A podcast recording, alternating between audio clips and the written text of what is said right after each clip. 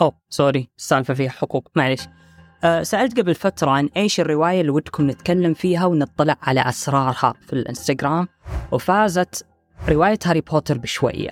مين فينا ما سمع أو شاف رواية هاري بوتر أو بالبريطاني هاري بوتر خصوصا بمرحلة الطفولة والمراهقة؟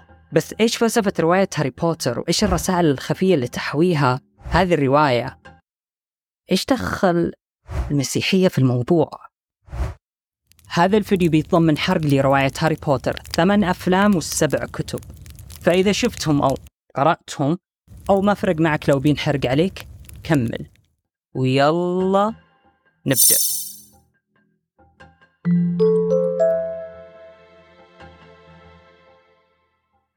جي كي رولينج هي مؤلفة سلسلة هاري بوتر الشهيرة. قد يجي في بالك إنها فكرت في الرواية وخلاص بدأت تكتب رواية وتنشر. لكن بالواقع ظلت سنين وهي تكتب النسخة المطولة من الرواية وكتبت بشكل مفصل وعميق خلفيات الشخصيات الرئيسية. هذا من وين جاء؟ هذا كيف كان عايش حياته؟ من هذه الأمور. عشان برضو تقدر تكون شخصية وصفات فريدة من نوعها لكل شخصية رئيسية. سوت كل هذا قبل حتى ما تكتب روايتها الأولى هاري بوتر and the Philosopher's Stone.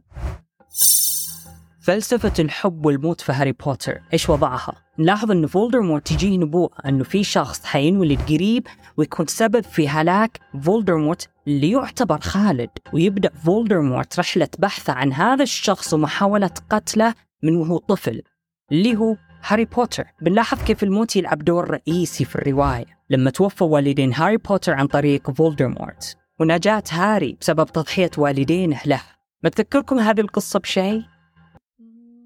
قصة نبوءة هلاك فرعون على يد موسى ومحاولة فرعون قتل جميع الذكور الأطفال لعل وعسى يكون موسى منهم؟ هل هذا التشابه القصصي ديني صدفة؟ نكمل ونشوف نلاحظ في عالم السحرة بعقل الكاتبة رولينج أنه في فروقات بسيطة بين الحياة والموت نلاحظ هذا الشيء في كيف أنه فولدرمورت يسعى للخلود عن طريق قتل الناس ثم أخذ أرواحهم ويحفظها في كتابه وبكذا ما في أحد يقدر يقتل فولدرمورت ولا هو يموت موتة طبيعية دام أن روحهم مرتبطة بالحياة في الدنيا في أرواح الناس المسلوبة والمحفوظة في كتابه. ولو دققنا في حياة فولدرمورت حنلاحظ في تشابه بين دكتور فرانكنستاين ودراكولا. كلهم كانوا علماء حادين الذكاء وحاولوا يتلاعبوا بقوانين الطبيعة الحياة والموت. ونشوف كيف فولدرمورت همه الوحيد الخلود الجسدي. ما همها الخلود الروحي يعني يسوي أشياء كويسة وتظل الناس تتذكر حتى بعد ما يموت تتذكرها بالخير يعني. ونشوف كيف إنه كان مستعد يفصل ويشوه روحه عشان يوصل للخلود الجسدي في الدنيا على الرغم من إنه تم تحذيره إنه هذه مصيبة وفعلة شنيعة إنك قاعد تخترق قانون الطبيعة وإنه هذه الروح لا يجب أن تمس. بالحديث عن الروح نشوف كيف في عالم السحرة هذا إنه الروح منفصلة عن الجسد. وهذا ينافي العلم الحالي خصوصا لو بنتكلم بيولوجيا. عشان العلم الحالي يرى الوعي بصورة مختلفة. يرون العلماء أن العمليات الفيزيائية والكيميائية في الدماغ هي اللي تسبب في الأشياء العاطفية والمنطقية. وهذا الشيء كله يختفي لو الشخص مات. هناك فقط شيء اسمه الجسد. لكن فكرة الروح منفصلة عن الجسد هي فكرة مشهورة في ديانات عديدة. وهنا مربط الفرس. إيش دخل الديانات في الموضوع؟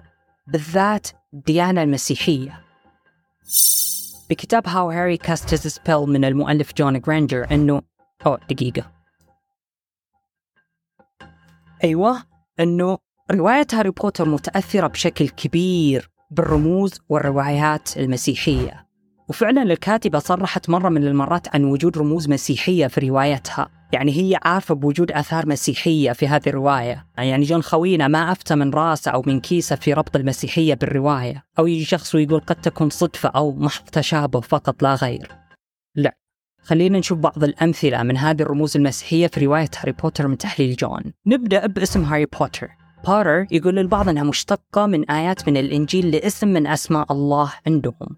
مثال في سفر إشعياء 64 8 But now, O Lord, Thou art our Father, we are the clay and Thou art potter. الحين مثل بعض الفيديوهات السابقة بيجي شخص بيكتب أوه تتكلم مسيحي. هذه ديانة أولا مو لغة. ثانيا تعتبر مصدر مهم للموضوع. relax وهنا بوتر معناها الخزاف أو الشخص اللي يعمل الفخار. واسم هاري إنها تلاعب في كلمة heir يعني كأنه الاسم heir of God والبعض قد يتطرف أكثر ويقارن بين دومبلدور وبين الله في الرواية. وأنه هاري والحشد اللي مع دومبلدور يمثلون نبي الله عيسى عليه السلام وأتباعه.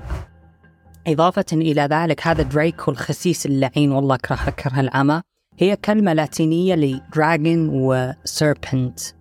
وذول برضو رموز إنجيلية للشيطان. سفر رؤيا يوحنا اللاهوتي 20 2 He seized the dragon, the ancient serpent who is the devil and Satan, and bound him for a thousand years. واسم مالفوي اسم هذا الخرى الثاني جاي من الفرنسية بمعنى الإيمان السيء والشرير. يعني كأنه الاسم معناه ثعبان الإيمان الشرير. ولا هو مستغرب هالشيء كونه كان عقبة وسخة في وجه هاري بوتر. والثعبان كان متواجد بشكل كبير في رواية هاري بوتر. والثعبان نفسه من أقوى الرمزيات اللي تمثل الشيطان. بداية من كون بعض التفسيرات والروايات في الإسلام وحتى المسيحية تقول أن الشيطان تمثل على هيئة ثعبان ووسوس لآدم وحواء يأكلون من شجرة الزقوم. فهذا الكتاب في فصل كامل مخصص لكيف أنه الثلاثي المرح كل منهم يجسد حاجة معينة في علاقته. مثل هاري يمثل القلب ران يمثل الجسد هرماين تمثل العقل. وإنه كيف لابد كلهم يكونوا على مستوى واحد يتناغمون مع بعض. لو القلب طغى راح الأمور تخرب في العلاقة. وهكذا مع باقي الأعضاء. بس ما حنتعمق في هذا الفصل كثير لكن أنصح بقراءة الكتاب إذا تبغى. حقيقي راح تستفيد حتى لو ما كنت مسيحي عن جد. راح يمتعك بالتحليل. بالتحليل. وبالحديث عن الرمزيات الحيوانية نشوف أنه رولينج متأثرة بكتاب ال Grand Medieval Bestiary وبهذا الكتاب هناك قصص حيوانات كذا فيها نكهة من معاني إنجيلية. على سبيل المثال الكائن الأسطوري بازلسك هو رمزية شريرة للشيطان هنا وخصومه طائر العنقاء والأيل. تراه أيل لا تقول لي ظبي. أيل قرونه متشعبة. تعرف من قرونه؟ ظبي هذا ظبي. قرونه غير متشعبة. والله كلهم غزلان صح؟ يعني مفرقة. والأسد في شعار منزل جريفندور اللي انضم له هاري وهرماين رون يمثل Jesus Christ. Are you okay? في سفر يوحنا خمسة مرة أخرى يشار إلى نبي الله عيسى ب The Lion of the Tribe of Judah وأنثى الغزالة هنا تمثل حب الأمومة حب هاري لولدها. هاري لولدها. تجسيد لحب أم هاري لولدها. يضيف جون في كتابه أنه سيف جريفندور يعبر عن رمزية الصليب المسيحي. لذلك هاري بوتر وكأنه تجسيد لنبي الله عيسى يقاتل الشيطان على هيئة بازلسك ثعبان ويقتله بالصليب المسيحي. نلاحظ بهذه الرواية برضو كيف أنه تضحية الحب هي اللي تنتصر على الموت مثل تضحية والدين هاري عشان طفلهم.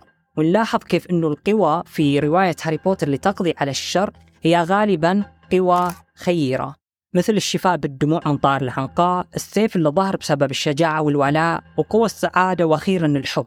وبالحديث عن الحب الحب يلعب دور كبير في الديانة المسيحية مثل أنه يحمي الروح يحميك من جهنم في الآخرة. ومثل ما نبي الله عيسى مات من أجل خطايا الناس نشوف كيف هاري برضو يضحي بنفسه من أجل حماية أحبابه وأصدقائه. ثم يتم إحياه مرة أخرى قدام أتباعه. مثل ما هناك فكرة أنه المسيح بيرجع للحياة مرة أخرى. وعشان الأفكار متداخلة ومتشعبة في الرواية نشوف أشياء مثل طائر العنقاء وكونه يموت ويرجع للحياة مرة ثانية. هذا برضو يجسد إيمان المسيحية برجوع المسيح. وحتى برضو الكائن الأسطوري هي بوغراف اللي نصه حصان ونصه طائر بنفس الوقت. برضو يجسد الفكرة المسيحية أنه المسيح إله بشري بنفس الوقت. رواية هاري بوتر جاءت برضو لتزرع فكرة طبيعة الموت وتقبله نشوف مثال في حياة فولدرمورت. خوفه من الموت خلاه يرتكب أفعال شريرة وشنيعة ويدمر روحه وهذا خلاه مع الوقت يصير ما يشبه البشر. وفي دروس أخرى للموت تحكيها هذه الرواية. إنك تتقبل موت أصحابك وأحبابك ودرس إنك تدرك إنه الموت يخيم على قلبك وذكرياتك.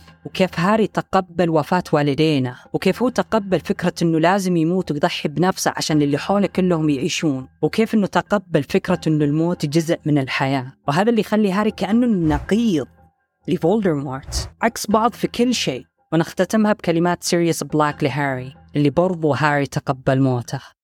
في الفيلم الثالث. The ones that love us never really leave us and you can always find them in here. هذه معدتي معلش. In here in here. العجيب في الأمر كيف أنه وإلى الآن الديانة المسيحية تعتبر من أكثر المحاربين لرواية هاري بوتر ويقولوا أنها تخالف التعاليم والقيم والمبادئ الإنجيلية. بإمكانك تدخل يوتيوب وتشوف عناوين من متدينين مسيحيين. هل عادي للمسيحيين قراءة ومشاهدة رواية هاري بوتر؟ هل عادي تخلي أطفالك يشاهدون رواية هاري بوتر من منظور الديانة المسيحية؟ على الرغم من تأثر الرواية المؤلفة بشكل كبير بالديانة المسيحية المهم حس إني طولت عليكم بما فيه الكفاية يلا يلا بس سلام